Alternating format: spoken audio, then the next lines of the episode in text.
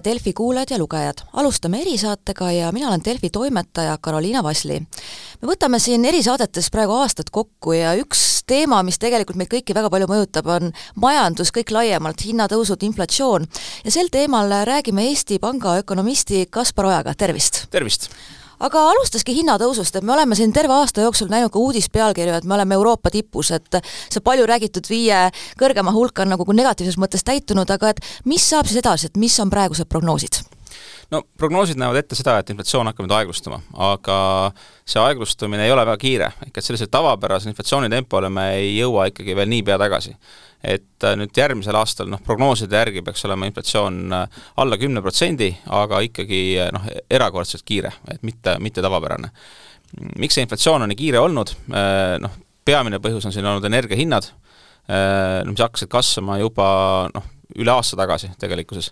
Ja need on tõstnud inflatsiooni mõne aja jooksul, sellele on lisandunud teiste toormete kallinemine, sealhulgas näiteks, näiteks toidutoorme kallinemine Äh, mis kandub äh, veel inflatsiooni üle äh, siis meie hindadesse. Ähm,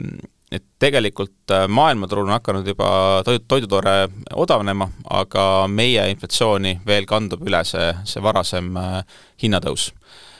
Lisaks on olnud majanduses küllaltki head ajad, et äh, kui me vaatame selliseid majandustsükli näitajaid, siis need olid äh, noh, umbes aasta eest olid äh, sarnasel tasemel nagu äh, kahe tuhande kuuendal aastal, ehk et meil oli ikka selline buumi moodi olukord. ja see omakorda siis suurendas hinnakasvu. nii et meil on kokku saanud siin erinevad tegurid, mis on seda hinnakasvu tagant kütnud ja seetõttu meil on olnud väga kiire inflatsioon nüüd peaks need tegurid hakkama taanduma, et äh, majanduse olukord ei ole enam buumilaadne, et oleme juba mõnda aega näinud majanduslangust, me ei ole nüüd Äh, majanduse taseme mõttes sellises äh, madalseisus, me oleme pigem niisugusel äh, nagu ütleme, oma pikaajalise trendil praegu. et kui vaadata ettevõtete küsitlusi, siis need viitasid siin veel aasta alguses niisugusele noh, ikka jätkuvalt küllaltki tugevale konjunktuurile, aga nüüd ütleme, viimased küsitlused oktoobrist, mis on kõige värskemad, need näitavad seda siis, et need noh, sellised majandustsükli hinnangud on jõudnud tagasi sellise pikaajalise keskmise peale no mis viitab sellele, et me olemegi siis nii-öelda oma trendkasvul äh, praeguseks tagasi. Äh, ja, ja selline vahepeale buum on siis nagu just nagu välja läinud. ja noh, see tähendab seda, et peaks hakkama ka niisugune kohalik hinnasurve tasapisi taanduma, aga eks see kõik võtab aega aga hinnasurvest, et kas on mingid mõjud, mida me veel, võib-olla ei ole veel näinud või kas või just siin ka, kui rääkida toiduhindadest, et seal võib ka seda kerkimist veel olla, et no toiduhindades võib veel kerkimist olla, sellepärast et äh, noh, seal on olnud niisugune teatav viitaeg äh, välismaailma hindade suhtes ja ilmselt ei ole kõik üle kandunud, aga teisest küljest jällegi äh, noh, millest on ka räägitud, et meie toiduhinnad on hinnataseme mõttes juba lähedal Euroopa Liidu keskmisele, mis tähendab seda, et kui kohalikud hakkavad hinda tõstma, siis tulevad välismaalt konkurendid, kes on soodsamad. ehk noh, see, sellel hinnatõusul on ka on ka see pool, et tõenäoliselt kohalik tarbija hakkab eelistama rohkem odavamat ja välismaist ja see peaks hakkama ka seda hinnatõusu all hoidma. Kui rääkida veel ka kriisi mõjudest, et eh, eks paljudel on meeles eelmine kriis, kus oli ka tõesti tööpuudus, et praegu viimastel aastatel oleme pigem kuulnud tööjõupuudusest, aga kuidas see olukord on, et ka uudises näeme pealkirju, et järjekordne ettevõte on läinud pankrotti? no on neid pankrotte on ka, aga peamine on niisugune eh, töötajate koondamine siis eh, selleks, et tegevusmahtu vähendada et äh, ettevõtted on ettevaatlikud ja kui nad ei näe seda, et neil oleks niisugust tugevat tellimus, tellimuse taastumist äh, lähiajal, siis äh, ka spetsialisti palgal hoidmine on, küllaltki kallis ja seetõttu on hakatud koondama. Kui me vaatame nüüd üldisi numbreid, siis noh, ütleme niimoodi, et registreeritud töötusse tuleb kuus umbes viissada inimest rohkem, kui sealt väljub Äh, ehk et äh, töötus kasvab, aga tegelikult äh, majanduse kui terviku mõttes, Eesti ühiskonna mõttes, see töötuse kasv ei ole väga suur olnud. et loomulikult noh, neile täiesti tuhandetele inimestele, kes on töötuks jäänud, siis viimasel ajal on see, on see loomulikult isiklik tragöödia, aga majandusliku ma,, majanduse kui terviku mõttes on ikkagi veel töötuse määr küllaltki madal. ja Äh, noh, see on võib-olla ka üks asi, mis on üllatanud selle kriisi juures, et me arvasime, et äh, töötus hakkab äh, varem kasvama, aga kui vaadata nüüd neid küsitlustel põhinevaid töötuse näitajaid, mis on peamised näitajad, siis noh, need praegu veel niisugust tõusu ei näita, aga noh, võiks arvata, et ikkagi järgmise aasta jooksul me näeme sellise tõusu ära natuke kõrvalt ka tundub, et äh, võib-olla eestlased on ka jõudnud sinna tasemele, et teatud töösid ei taheta teha, et mul endal ka üks tuttav on ühe jaeketiga seotud ja ütles, et äh, müüjaid on ikka päris raske leida no mina olen kuulnud ikka muud juttu praegu ah. jaekettidelt, et väidetavalt ikkagi neile helistatakse juba ja küsitakse, kas on tööd pakkuda. see võib-olla noh, ei ole Tallinnas niimoodi, aga noh, väiksemates kohtades, kus jaekett võib olla üks olulisemaid tööandjaid, noh, olevat sellist asja näha. Ehm, no noh, väiksemate kohtade tööstused räägivad seda, et Äh, kusagil kevadest saati inimesed ei taha enam ära minna, et äh, ilmselt ikkagi selline nagu olukord tööturul on muutunud. ja seda on praegu juba näha aga räägikski, et mis sektoritel praeguses kriisis siis kõige kehvemini läheb ja millele võib-olla see on selline hoopis sütikuks, et äh, ennast veel rohkem kindlustada? no ilmselt nagu esimestena said pihta sellest kriisist ikkagi need, kes tegid äri Venemaaga või siis olid kuidagi tarneahelate kaudu Venemaaga seotud. et kui vaadata tööstussektorit, Äh, siis äh, noh, ütleme viimaste kuude need langused on olnud suhteliselt laiapõhjalised, aga kui me vaatame äh, viimaste kuude toodangu taset võrreldes sellega, mis oli aasta alguses, siis et noh, joonistuvad välja need sektorid, mis importisid toorainet enne Venemaalt. ja noh, nende elu on läinud keerulisemaks, et nad peavad kas tooma selle tooraine kusagilt mujalt või siis muutma ärimudelit. et paljude puhul ilmselt see ärimudel oligi ehitatud üles sellele, et saadi Venemaalt odavat toorainet ja noh, sel juhul on nende konkurentsivõime küllaltki palju pihta saanud ja sellist tegevust enam tingimata jätkata ei saa äh, noh, on ilmselt osa sektoreid, mis võitsid äh, koroonakriisist, äh, näiteks mingisuguste väikeste majade tootjad. ja noh, nende järgi on nõudlus vähenenud, et noh, need on ka ettevõtted, mis on teatanud koondamistest näiteks. Noh, sama puudutab ilmselt mingisuguseid keemiatooteid, mida läks koroonakriisi ajal rohkem vaja ja noh, nende järgi on samuti nõudlus vähenenud Ehm, üks huvitav trend, mis on äh, juhtunud, on siis äh, IT-sektori koondamised. Et ehm, see on midagi sellist, mis juhtus äh, Ameerika Ühendriikides juba mõnda aega tagasi, meile on ta nüüd jõudnud suhteliselt hilja. selle taga noh, tõenäoliselt on suuresti niisuguse rahastamise kallimaks muutumine ja ja noh, üldine äh, raha kättesaamise keerukuse kasv, et äh, niisuguste lihtsalt kasvuprojektide peale enam nii kergesti raha ei anta ja see tähendab seda, et äh, need ettevõtted, mille noh, mudel oli suuresti ehitatud üles sellele, et nende väärtus kasvab, kuna neil on kohutav kasvupotentsiaal, siis noh, seal on nüüd jõutud tõdemusele, et tuleb ka lühiajaliselt kasumisse jõuda ja tuleb seda tegevust seetõttu muuta kas seal IT-sektoris nüüd on nagu õhk välja lastud või on seal veel ikka minna, et kuuleme veel, kus, kus on koondamisi ja tõesti kokkutõmbamisi? no seal on nii ja naa, et seal on ilmselt neid ettevõtteid, mis äh, Äh, alles hakkavad kokku tõmbama, aga samas on noh, IT-sektoris ikkagi jätkuvalt ka tööjõupuudus paljudes valdkondades, nii et äh, ma nii väga pessimistlik ei oleks IT-sektori osas ja kui me siin korra puudutasite ka Vene turgu ja seal ka toorainet, et kas see, mis prognoosid olid, ütleme võib-olla kevade hakul, et kui palju see mõjutab meie majandust, et kas see täitus või on läinud äh, sootuks teistmoodi? no ma arvan, et äh, suures plaanis see täitus äh,, on mingid asjad, mis on, mis on läinud teistmoodi, kui esialgu planeeriti või noh, esialgu arvati, et äh, põhistsenaariumites polnud sees seda, et äh, lõpeb energia import Venemaalt et äh, see oli ikkagi selline riskistsenaarium ja noh, kui me vaatame neid prognoose, mis tehti kevadel, äh, võrdleme praegustega, siis hakkabki silma see, et äh, enam-vähem selle aasta osas on prognoosid olnud täpsed. noh, erinevus on inflatsioonis, inflatsioon oli ootamatult kiire, seda prognoosid näinud kevadel Äh, järgmise aasta osas on äh, pigem uued prognoosid on negatiivsemad, kui olid kevadel. ja selle taga noh, tõenäoliselt on see, et, äh, et ikkagi need impordipiirangud Venemaalt on olnud püsivamad ja, ja on piiratud rohkemate kaupade importi, kui, kui eelmisel kevadel arvati kas praegused prognoosid on siis sellised, kus arvestatakse, et see Vene turg täiesti välistatud või me ikka vahepeal ju kuuleme, et osad lääneriigid võib-olla natukene kombatakse või et ei suhtuta nii rangelt kui võib-olla siin meie, kes me oleme naaberriik? no ma arvan, et äh, niisuguse äh, aastase pers-, pers-, perspektiivi mõttes on äh, Vene turg on suuresti välistatud, aga äh, siin on palju sellist äh, mittelinaarsust selles kõiges. et noh, näiteks äh, energia impordi puhul äh,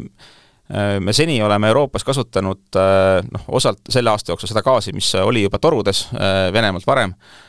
samuti me oleme ostnud gaasi Hiina lepingutest, et noh, mida Hiina ei kasutanud, kuna sealne majandusolukord oli nõrk, nad müüsid gaasi edasi Euroopasse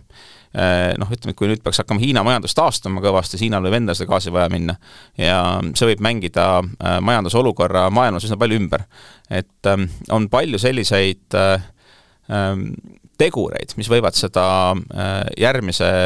ja ütleme, ülejärgmise aasta väljavaadet oluliselt muuta just siin ka energiakandes, et me oleme siin Eestis juba harjunud, et nüüd on meil need energiatoetused, et kas teie meelest on see nagu niisugune jätkusuutlik, et peaks selle süsteemiga jätkama, just siin elektri ja just ka kütteasjade kompenseerimine? no eh, ütleme, et energia puhul on, on küsimus selles, et noh, siin on prognoositud, et niisugused kõrged energiahinnad võiksid jääda meile noh, lähemaks noh, umbes neljaks aastaks. et see on umbes see periood, kui hakkavad valmima suuremad roheprojektid Euroopas ka Eestis ja samuti siis äh, maailmas äh, suuremad LNG äh, siis veeldamise võimsused. ehk et, et saaks seda LNG gaasi siis soodsamalt kätte. Ähm, ehk senikaua ilmselt noh, mingisugused toetused jäävad Euroopas püsima üldiselt ähm, kui vaadata prognoose, siis, siis see nende toetuste küsimus on üks suur probleem tegelikult, sellepärast et Ehm, paljud riigid äh, äh, otsustavad neid toetusi suhteliselt hilja ja seetõttu äh, noh, kui võtta eeldus, et, et arvestame ainult toetustega, mis on juba seadustes kirjas, siis tegelikkuses peaks prognoosima paljude riikide märksa kiiremat inflatsiooni ja palju nõrgemat eratarbimist. aga noh, samas on nagu oodatav, et ikkagi nad pikendavad neid toetuseid, et see oli siin noh, näiteks teemaks oli Saksamaa majandusprognoosi puhul, et et äh, kui oleks äh, sügisel lähtutud sellest, äh, mis oli neil seadustes kirjas, siis oleks pidanud eeldama seda, et aasta alguses tekib neil väga kiire inflatsioon. aga noh, ilmselt seda ei teki aga jah, aga meie süsteem, seda on vist kuskil ka isegi eeskujuks toodud, et üpris mõistlikult praegune olukord lahendatud no siin on nii ja naa, et äh, tegelikkuses me peaksime ilmselt ikkagi toetama niimoodi, et me toetame rohkem neid, kes pihta saavad ja sihime, sihime seda paremini. Ähm, kui vaadata neid gruppe, kes pihta saavad, siis äh, rohkem on kiiresti inflatsioonist pihta saanud äh, väiksema sissetulekuga inimesed, samas jällegi noh, intressitõusust saavad ilmselt pihta rohkem sellised keskmise sissetulekuga inimesed. Ähm, et võib analüüsida neid toetuseid erinevalt, Äh, ja noh, on pakutud välja erinevaid skeeme, kuidas toetada, et ilmselt selline üldine äh, kõige toetamine ei ole hea, sellepärast et see ähm, see ei anna mingisugust motivatsiooni kokku hoida, kuna see kokkuhoid on ka praegu väga oluline. Ma arvan, et äh, et majapidamiste kindlustunde mõttes oli üsna oluline teha ära see universaalteenus, aga samas me peame nentima, et sellel on ka oma miinus see miinus on see, et, et inimesed ei reageeri enam sellele, kui elektri hind on väga kallis ja oleks tarvis kokku hoida. et ähm, kui ma mõtlen Eesti toetuste peale, siis ma arvan, et väga hea toetus on see gaasitoetus, et äh, see on selles mõttes hästi sihitud, et äh, noh, ta on eeskätt mõeldud neile, kes siis gaasi tarbivad, aga seal on ka üsna range maksimaalne piirang, ehk et ta ikkagi noh, motiveerib Äh, suuremaid kasutajaid äh, rohkem kokku hoidma ja no tõenäoliselt ta on ka suunatud paremini siis madalama sissetulekuga inimestele. Kui rääkida veel inflatsiooni mõjudest, et eks äh, siin vahepeal arvasime ära, et Euribor on kogu aeg miinuses, et võib-olla tunduski, et nii sinna ta jääb, aga nüüd on ta väga palju kerkinud, mis seal on sellega nagu sellised laiapõhjalisemad mõjud Eestis? Eesti eripära võrreldes teiste riikidega on see, et meil on hästi palju äh, nii-öelda ujuva intressiga laene, ehk et meile see Euribori tõusu mõju kandub vahetult üle. ja mm, Äh, seetõttu noh, majapidamiste äh, see nii-öelda kätte, kättev raha, mille eest tarbida, äh, jääb väiksemaks, eeskätt nende leibkondade puhul, kes on võtnud laenu. Tõenäoliselt need noh, vähemalt kui me vaatame statistikat, siis need, kes on laenu võtnud, on, on pigem keskmisest suurema sissetulekuga ja noh, esialgu noh, see praegune intressitõus veel neid väga tugevalt lüüa ei tohiks on, on arvata, et äh, niisuguseid suuri äh, laenudega hätta jäämisi äh, esialgu ka ei juhtu, sellepärast et et, et sellepärast, et laenude andmisel on tehtud nii-öelda stress-testid, ehk on kontrollitud, et inimesed saavad hakkama laenu maksmisega ka sel juhul, kui intressimäär on kuus protsenti. Mis tähendab seda, et nagu praeguse intressitõusu juures ei tohiks veel probleeme tekkida. Probleemid noh, on tõenäolisemalt siis, kui tööpuudus kasvab, et inimestel tõesti sissetulekud vähenevad äh, ja siis, kui intressimäär peaks tõusma tõesti väga palju. Äh, praegu äh, turuootused, kui ma just eile vaatasin, siis näitasid seda, et ootavad Euribori tõusmist kuhugi sinna kolme ja poole protsendi juurde, kuigi siin on juba Keskpanga president öelnud, et et on tõenäoline, et, et intressitõusud rohkem kui ootused näitavad. aga ka nendest prognoosidest, et kas pigem siis ta ühel hetkel ikkagi seal pidurdub seal kuskil kolme poole protsendi juures või kuidas see praegu seis on, et ta rohkem kõrgemale ei lähe, ilmselt langema ka muidugi ei hakka? no turuootused on muidugi sellised tänamatud, et nad tegelikult noh, nad tegelikult ei ole väga head prognoosijad, et nad näitavad selle mingi hinnangu ära, äh, kuhu see intressimäär võiks liikuda, aga kui me vaatame, millised on olnud ootused minevikus, siis nad ei ole olnud äh, eriti täpsed prognoosi osas. äh, et seda peab siin kindlasti mainima. ootused näitavad praegu seda, et Euribor tõuseb sinna jah, kuhugi kolme poole protsendi juurde ja siis hakkab langema. et see on ka see, millest on siin viimasel ajal juttu olnud, et tulukõver on nii-öelda valepidi, ehk et pikaajalised intressid on madalamad kui lühiajalised aga ilmselt selline miinusasi oli pigem selline, mis jääb miin-, minevikku, et seda veel ilmselt niipea ei kordu? Noh, see, see on nii, et äh, mitte, mitte kunagi ära ütle iial, et, et see, selles mõttes see, see võib tagasi tulla, siin on erinevaid arvamusi selle kohta, mida see negatiivne intress ikkagi tähendas. kas selline noh, ütleme, et umbes kümne aasta eest oli niisugune populaarne arutelu, et meil on äh, nii-öelda secular stagnation on, äh, on äh, arenenud riikides, ehk et me olemegi sellises madala inflatsioonikeskkonnas, madalate intresside keskkonnas ja see jääb kestma, sellepärast et meil on vananev rahvastik ja, ja aeglustuv kasv ja noh, selles, selles keskkonnas võivad ka olla intressid ja inflatsioon väga madalad. Noh, meil on midagi sellist näinud pikka aega Jaapanis, võib-olla see tuleb tagasi, võib-olla mitte. Äh, praegust olukorda on väga palju võrreldud äh, seitsmekümnendate naftakriisiga. Äh, ja noh, ta ongi väga sarnane, kui me vaatame inflatsiooni, siis tollane energiahindade tõus tõi ka, tõi samuti kaasa üldise inflatsiooni ja selle vastu lõpuks ikkagi saadi sellega, et karmistati väga palju rahapoliitikat, tõsteti intressimäärasid. Äh, ja noh, me oleme ka varem näinud seda, et on olnud selliseid madala intressiga perioode ja see, neil on järgnenud kõrgete intressiga perioodid, nii et äh, see on üks risk, millega peab arvestama ilmselt siin eelmine kriis oli selles mõttes aitas, et edaspidi läks ikkagi laenamine keerulisemaks, et päris nii lihtsalt ka pangad ei jaganud ja viitsite ka, et arvutati läbi ka, et kuue protsendise Euriboriga Äh, jah, et äh, ma arvan, et äh, palju on aidanud see, et on,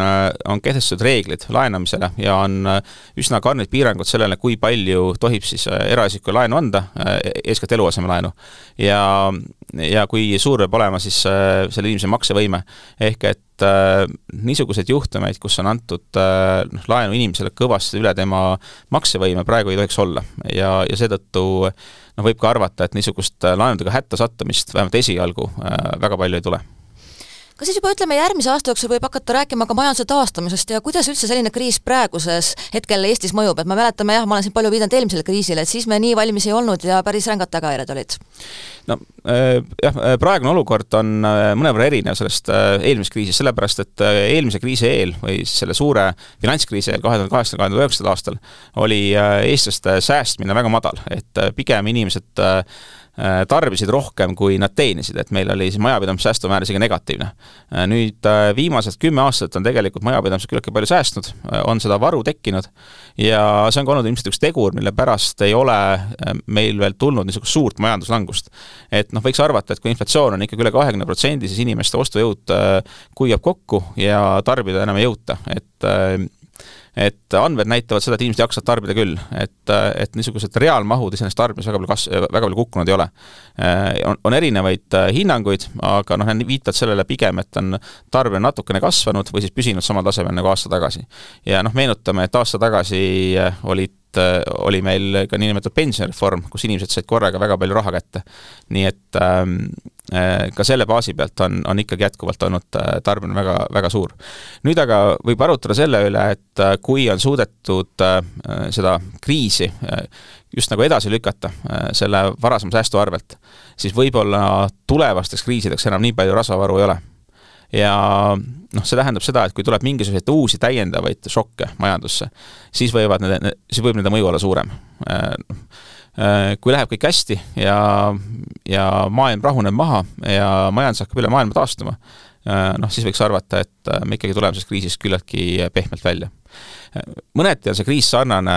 ma arvan, Eesti jaoks kunagise Vene kriisiga Äh, kus meil kadus ära äh, ka suur osa Vene turust, nagu, nagu ka seekord, ja äh, tookord olid majanduses väga suured muutused, aga iseenesest tervikuna oli see majanduslangus ikkagi väga väike. et vist praeguseks on järele jäänud majanduslangus äkki miinus null koma viis protsenti aga kui me vaatame ka riigi rahakotile otsa, et vahepeal tundub, et riik raha, jagab raha kõikjale, et kõiki toetusi, kõike võib teha, vahepeal palku tõsta ja muud, et kuidas meie riigieelarve ja üldse ka laenuvõimekus ja võime neid laene tagasi maksta praegu on, teie hinnangul? Kahe tuhande kahekümne teine aasta on, on olnud väga eriline, sellepärast et äh, noh, kiire inflatsioon on tekitanud illusiooni, et eelarves on väga palju raha. Äh, see, seetõttu, et äh, maksutulud kasvavad kohe, aga need kulutused, mida tehakse maksude arvelt, noh, kasvavad järgmise eelarvega. ehk et kui erasektoris palgad kasvavad, siis ka avalik sektor tahab suuremat palku saada. ja see tähendab seda, et nüüd äh, sel aastal sai äh, valitsus oma suuremad tulud kätte, aga tõenäoliselt äh, järgmisel aastal tuleb tõsta ka kulusid. ja kui vaadata prognoose, siis prognoosid näitavad ka seda, et kahe tuhande kahekümne kolmandal, kahekümne neljandal aastal saab olema eelarve defitsiit küllaltki suur ja kahjuks ei ole näha, et see defitsiit hakkaks väga kiiresti taanduma. see on üks pikem probleem, mille, mida on arutatud, et Eestis on juba mõnda aega tehtud selliseid poliitilisi otsuseid, mis on suurendanud meie pikaajalisi kulutusi ja neil ei ole, ei ole olnud katet et äh, see ei ole, see ei ole jätkusuutlik. et äh, me peame arvestama sellega ka, et Eesti siiani on saanud toetust ka Euroopa Liidu fondidest, et tegelikult meie elatustase on ju, on juba üsna kõrge Euroopa Liidus, et me ei ole veel Euroopa Liidu keskmise tasemel, aga me oleme seal lähedal. ja see tähendab seda, et äh, ühel hetkel hakkab seda raha vähemaks jääma ja me peame hakkama seda, seda ka kuidagi katma. ehk ähm,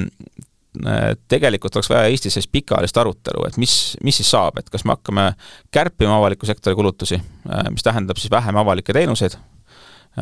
veel väiksemaid pensione näiteks või, või, või kust see raha võetakse. või siis teine variant on see, et me hakkame makse tõstma. et äh, niisuguseid tasuta lõunaid tegelikult ei ole olemas, et noh, seda, seda teab igaüks. et äh, pikaajaliselt äh, sellise suure defitsiidiga äh, edasi minna ei saa. väikesed defitsiidid on äh, pikaajaliselt ka võimalikud, aga aga noh, siin tuleb arvestada sellega, et, äh, et äh, Äh, sellisel väikesel riigil nagu Eesti võib-olla tasuks hoida äh, niisugust teatavat äh, eelarve ruumivaru olukordadeks, kui on keerulisem, et Eestis on küll väga väike riigivõlg jätkuvalt võrreldes teiste Euroopa Liidu riikidega, aga kui me vaatame tagasi juhtumitele, kus on olnud ka teised väiksed riigid, kellel on olnud väike riigivõlg, siis see väikse riigivõla küsimus võib väga kiiresti pöörduda, et noh, näiteks eelmise suure kriisi ajal oli, oli ka Lätis enne kriisi väike riigivõlg aga kui neid tabas äh, finantskriis ja nad pidid ühe panga välja maksma, siis see riigivõlg kasvas väga kiiresti. et olukorras, kus sa oled äh, väikene riik, äh, mis on hätta sattunud või on selle raha saamine välismaalt küllaltki raske, ja kui peaks samal ajal hakkama tegelema veel ka eelarve kärpimisega, siis on see olukord topeltkeeruline. et ähm, see tähendab põhimõtteliselt seda, et kui olukord läheb käest ära ja turult enam laenata ei saa, siis tuleb minna rääkida suurte rahvusvaheliste institutsioonidega, IMF-iga, Euroopa Komisjoniga ja äh, saada see laen nende tingimustel. ehk teha need kärped nii, nagu välismaalt öeldakse. Ja ma arvan, et see ei peaks olema eesmärk. See ilmselt peaks olema diskussiooni koht siis juba lähiaastatel, et valimised on muidugi ära, praegu lubatakse kõike kokku, aga ja ma arvan, et see võiks olla üks äh, diskussiooni koht ka tegelikult neil valimistel, et, et mida siis pikaajaliselt teha, kuigi noh, noh on arusaadav, et, et valimiste eel äh, ebapopulaarsetest teemast rääkida ei taheta ja noh, niisugused äh, eelarvekärped ja ja eelarvedistsipliini taastamine kindlasti on, äh, on ebapopulaarsed aga aitäh tulemast, ma arvan, selle mõttega lõpetame ja loodame siis siiski, et asjad lähevad paremaks ja inimestele ka, et kui on võimalik ikkagi ka säästlikult tegutseda. jah, ma arvan ka, et läheb äh, ilmselt aasta teises pooles, järgmisel aastal läheb olukord juba paremaks ja, ja siis äh, tasapisi äh, läheme tagasi oma vana kasudirektori peale